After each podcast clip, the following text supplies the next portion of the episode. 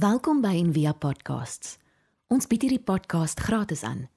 Om 'n bydrae te maak, besoek gerus ons webblad en via.org.za vir meer inligting. Ek was verlede Sondag by 'n kwekery in die hartjie van die stad, eintlik om vir 'n vriend van my te gaan hallo sê wat tydens lockdown daar begin werk het. Hy sê die plante het sy siel gered. En ek kon dit verstaan terwyl ons al staan tussen die plante en ek 'n oomblik neem om diep asem te haal en op te kyk na die berg.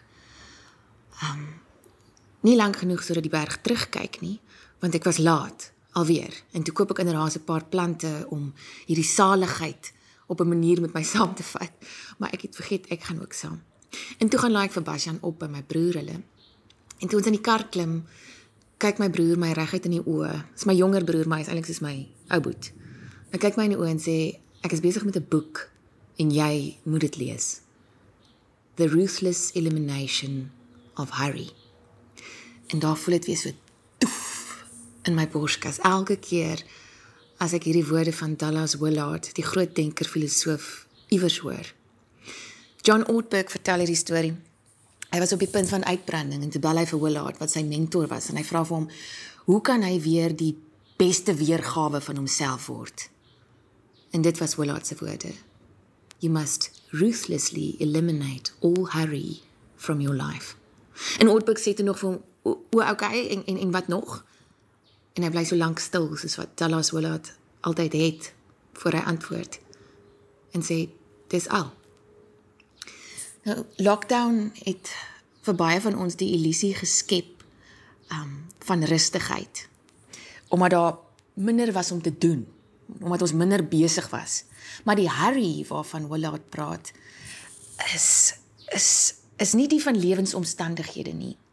Daar's niks fout daarmee om besig te wees en baie dinge gedoen te kry nie. Die gejaagdheid waarvan hy praat is 'n innerlike kondisie. Ek het saam met my geestelike begeleier in 'n gesprek tot die besef gekom dis 'n 'n binnebewe wat vloei uit 'n soort vrees vir nie genoeg wees nie. Ek was so 'n paar weke terug baie geafronteerd toe my man vir my sê ek is tans effe freneties. Freneties. Ek ek is nie, ek is kalm, ek is 'n vry gees, ek vloei. Tot ek iewers deur die week gewaar word Leon doen alles in slow motion. As ek aan tafel vir hom vra om vir my iets aan te gee, kom die soutpot in slow-mo na my toe aan. As hy voor my loop in die gang want ek moet net vinnig gou gaan piepie want ek kan nie meer knyp nie, dan loop hy in slow-mo. Toe kom daaroor uitvra, het hy my herinner daaraan dat my naam, die een wat my ouers my gegee het, vrede beteken en dat ek kort voorlank nie gaan weet wie ek is as ek so aangaan nie. Nie gaan weet waar God is as ek so aangaan nie. En ek vermoed ek is nie enig in my soort nie. Ronald Rolheiser skryf: We for every kind of reason, good or bad, are distracting ourselves into spiritual oblivion. We are more busy than bad, more distracted than non-spiritual. Pathological busyness, distraction and restlessness are major blocks today within our spiritual lives. Vir baie van ons is die groot gevaar nie dat ons gaan afstand doen van ons geloof nie. Dis dat ons so gejaagd en afgetrokke die Afrikaanse woord vir preoccupied is dat ons sal tevrede wees met 'n 'n middelmatige weergawe daarvan. Ons sal net so nou en dan inloer by ons lewens in steede van dit bewoon, dit leef. Ons is so afgetrokke dat ons gewoon nie betrokke kan wees by ons eie lewe nie. Ons hoor so baie die refrein, dit gaan goed, net besig.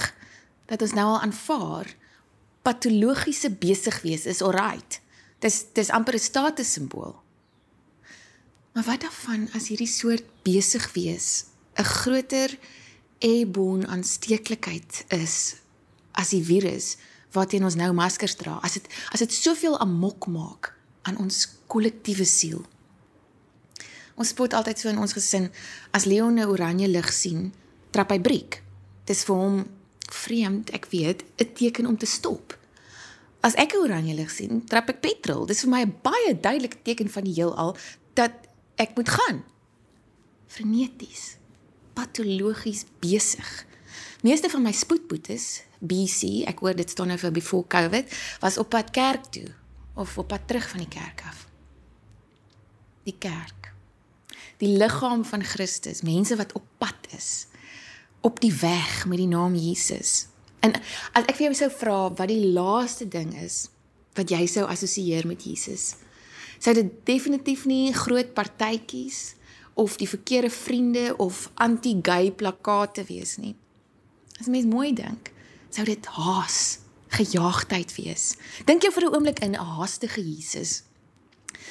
John Mark Comer beskryf dit so. Hy sê verbeel jou Jesus verloor sy meer met Maria Magdalena na 'n lang dag. Ek kan nie glo hierdie servette so gevou nie. Ag, en daar laat val jy die goemoes.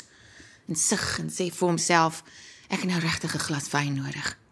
Kan jy indink hoe hy daai daai ding doen wat ons doen? Half praat, half teks. Aha, aha. Enigste leestekens in 'n een eensidedige gesprek. Of hom hoor sê, ek is jammer ek sal dit love om jou weer te laat loop, maar ek het 'n vliegtyg om te vang. Ek praat môre by TEDx in Jerusalem. Maar hier's een van my followers waarvan niemand nog ooit gehoor het nie. Hy sal enige tyd vir jou bid. Ek is meer into influencing deesdae as die grassroots work. Of praat met my assistent Judas. Ons sal sien of ons jou kan insqueeze. Belaglik. Daar is hierdie storie waar Jesus se goeie vriend Lazarus siek is, baie siek is, tot die dood toe siek is. Maar toe Jesus hierdie lewe of dood boodskap kry, lees ons dat hy vir nog 2 dae gebly het presies waar hy was. En toe eers na Judea toe is. Nie hy's angstig om daar uit te kom nie. En 'n ander keer wat 'n dogtertjie besig was om dood te gaan en haar pa hom gehaas het na Jesus toe. En Jesus gaan stop asof hy al die tyd in die wêreld het om iemand wat aan die soem van sy klere geraak het raak te sien. Dis 'n skare mense wat teen mekaar druk. Kan jy jou indink hoe mos die arme angstige pa gevoel het? Hy het daarom toe die dogtertjie gesond gemaak. Dankie tog, dink 'n mens.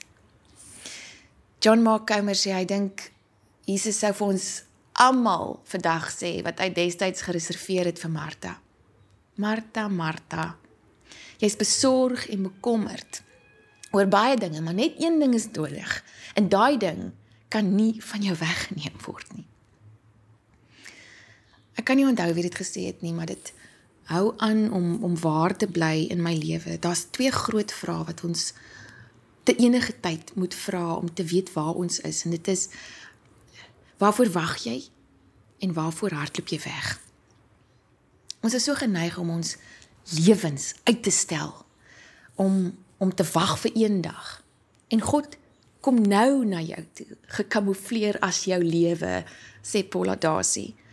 En omdat ons nie in aanraking wil kom met ons diepste hinkerings nie, hardloop ons weg daarvan. In die arms in van afleidings wat net met ander afleidings afgelei kan word. Al ons slimfone en ander slim toestelle is ontwerp om hierdie hierdie weerloosheid van ons uit te byt. Daar's 'n latynse gesegde Mundus vult decipi ergo decipiatur. Dit klink amper soos 'n rap. Mundus vult decipi ergo decipiatur. Dit beteken die wêreld wil om die bos gelei word. So laat dit om die bos gelei word. Daar's maatskappye wat bestaan om ons te bedrieg. En hulle doen niks verkeerd nie. Dis 'n vraag-aanbod situasie. Ons vra om in die nek gekyk te word, so hulle kyk ons in die nek of in die gesig, soos Facebook. Vir Facebook en die meeste ander sosiale media platforms was die vraag aan die begin: "Hoe kan ons soveel as moontlik van jou tyd en aandag steel?" Die verbruiker gaan: "Julle hoef dit nie te steel nie. Ek gee dit vir julle persent." Voeg daarbey 'n dopamienskoot vir elke nou en dan as iemand jou foto like en die skrif is aan die muur. Dis 'n social validation feedback loop, soos wat die eerste president van Facebook erken het. In die jaar 2000, voor die digitale revolusie in 2007, was ons aandagspan nog so 12 sekondes, reeds min. Dit het geval na minder as 8 sekondes. Om dinge in perspektief te stel, 'n goudvis se aandagspan is 9 sekondes. Weet nie wie lank genoeg kon fokus om dit te bewys nie, maar daar's dit. En ons weet waaraan jy jou aandag skenk, is wie jy word. Jou lewe is op die ou end niks anders as die som totaal van waaraan jy jou aandag toewy nie. Dis vrees aan hand as mens mooi daaraan dink. Distracted from distraction by distraction, filled with fantasies and empty of meaning in this twittering world. Woorde van T.S. Eliot lank voor Twitter. En hierdie aandag afleibaarheid syfer deur in alles. In ons verhouding met God en mense en die aarde en onsself. Hoe gee mens vir iemand om in 7 sekondes? Die teenoorgestelde is waar. Die gejaagdheid en druk van die moderne lewe is 'n deurdringende vorm van geweld teen die siel, soos Thomas Merton gesê het. Hurry is not of the devil, it is the devil, volgens Carl Jung.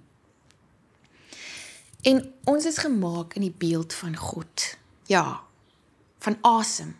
So aan die een kant is ons potensiaal onbeperk en die meeste selfhelpboeke fokus net daarop. Maar ons is ook gemaak van stof. So ons beperkings en stoffelikheid is net so deel van ons. En net so deel van ons redding. Jou beperkings, jou gebrek aan tyd, jou liggaam wat moet eet en rus, jou familie, jou sosio-ekonomiese omstandighede, die seisoene van jou lewe en die verantwoordelikhede wat daarmee saamgaan, soos om klein kindertjies te versorg of om na een van jou ouers om te sien op hulle sterfbed. Alles wat jy dink dalk in die pad staan van jou potensiaal is net so belangrik, indien nie meer om God aan te hou soek. Mens sien baie keer hierdie mense wat lyk soos iets uit 'n Sports Illustrated en dan dink jy, "Wow, ek wil ook so lyk." Maar dan sien jy watter tyd van die oggend hulle al op die pad is en wat hulle vir aandete geëet het of veral nie geëet het nie. En dan sit en drink jy maar jou koffie op die stoep terwyl jy vir hulle waai soos hulle verbydraf. Jy bewonder dit, maar nie genoeg om dit te wees nie. Die juk lyk te hard en die las te swaar. Ongelukkig gebeur dieselfde ding met ons geestelike lewe. Ons wil die lewe hê soos wat Jesus beloof het. Maar ons is nie bereid om die leefstyl aan te neem nie. Eugene Peterson sê Jesus as die waarheid kry baie meer airtime en aftrek en aandag as Jesus as die weg.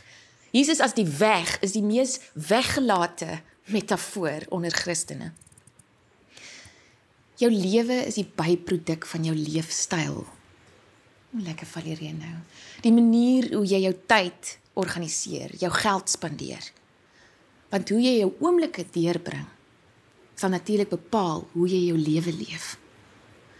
Ons ervaar innerlike vrede as ons skedules in lyn gebring word met ons waardes. Dis integriteit.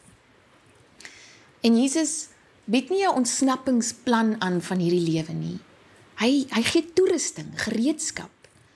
Die juk is nie 'n sentiment nie, dis 'n stuk gereedskap wat moet gebruik word. Dis 'n manier van lewe om die soms verlammende gewig van die lewe, gebed, geld, seks, konflikbeheer, regering te skouer. Dis die metafoor wat hy gebruik in Matteus 11 wat ons gelees het in die liturgie.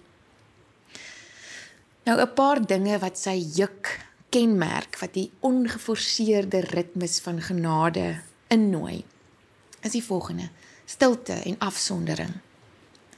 Jesus se leefstyl word gekenmerk deur baie gereelde tye van stilte en afsondering. Elke keer in die evangelie as jy as leser en die mense om hom en veral sy disippels dink, die ou moet nou momentum kry, hulle gaan nou veld wen, hulle is nou besig, dan verdwyn hy na die stil plek om weer opnuut te gaan hoor wie hy is by sy bron.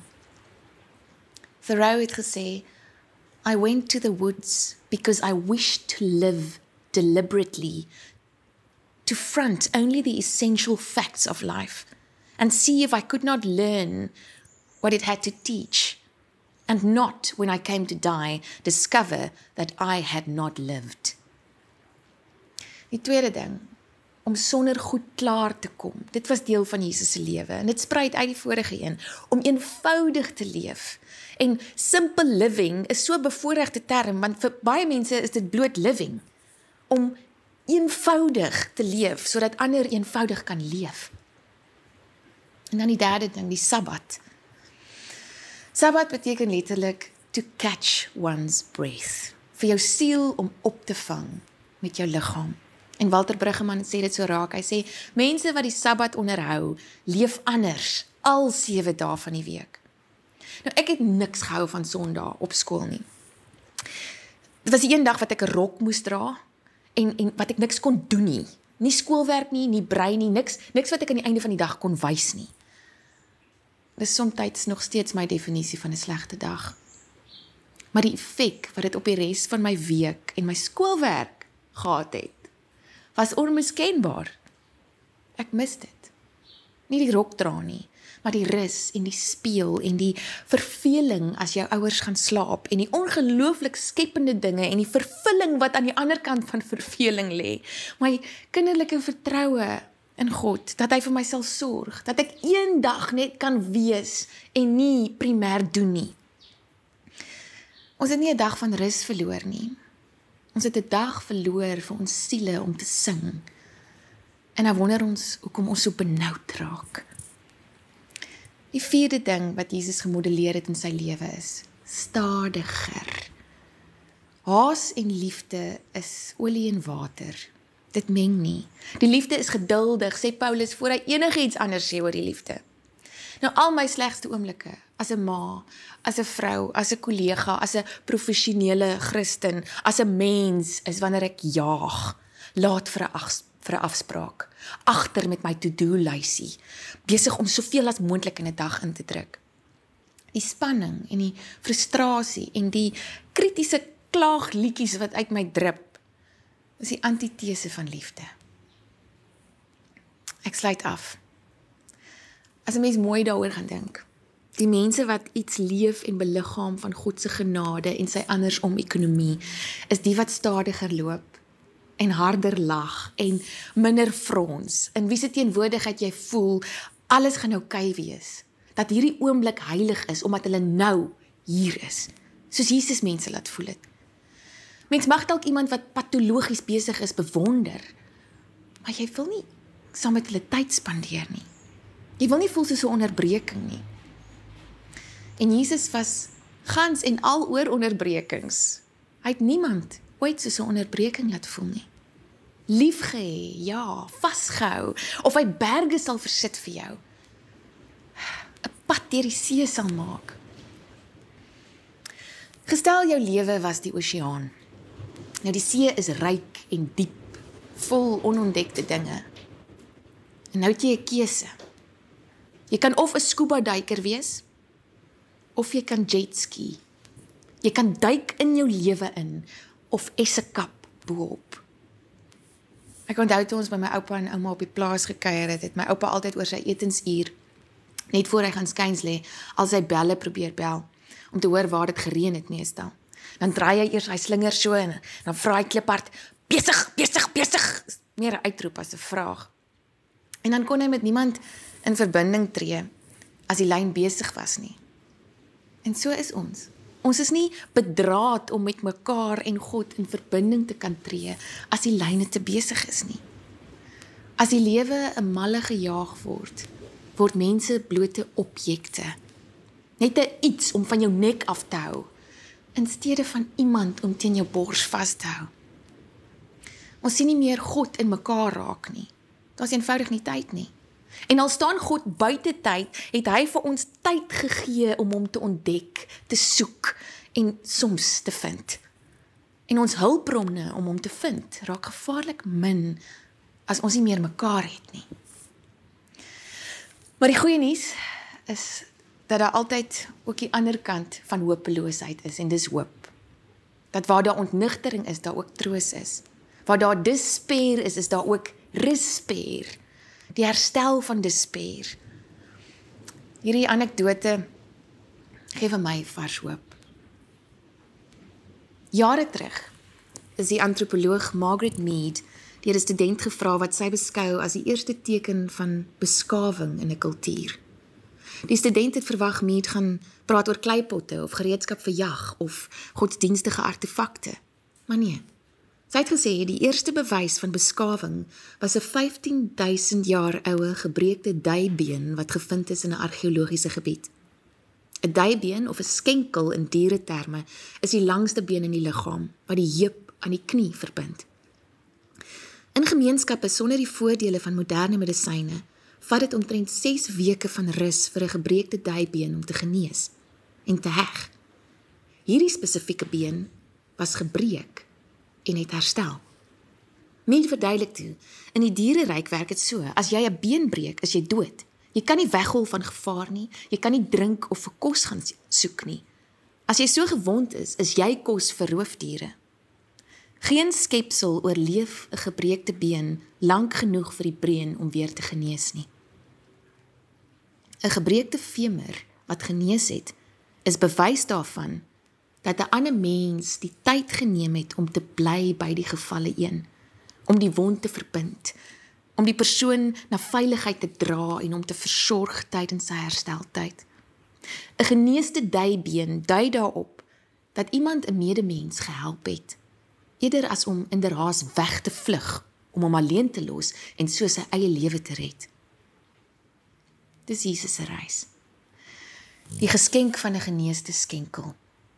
En om Ronald Heiser vry te vertaal, die jaaghaas, nes die paashaas, verhoed ons, miskien meer as enigiets anders, om goeie Samaritane te wees, om soos Jesus te wees, om die ongeforseerde ritmes van genade te beleef.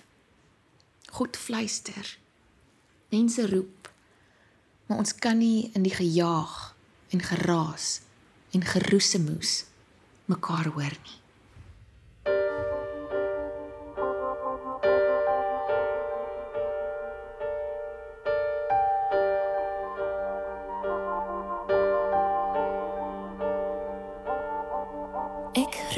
Jou, jy roep na my. Ons roep nie sag genoeg nie. Ek skree op jou, jy skree op my. Is so hard ek kan nie hoor nie. En nie gejaag en geraas en geroes en moes Kan ek ook kan nie meer hoor wat ek moes en moes nie Al die stemme wat so slemme dier my snij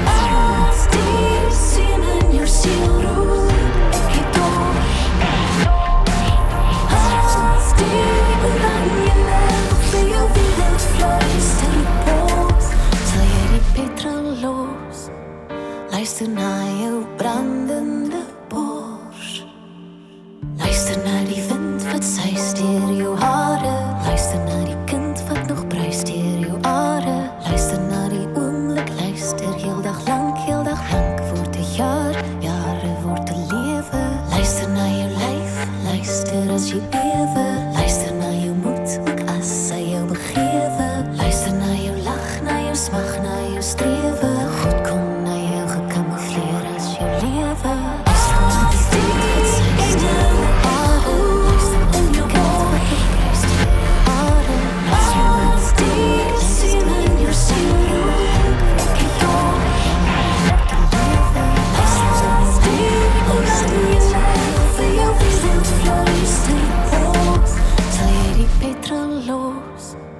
Luister na jou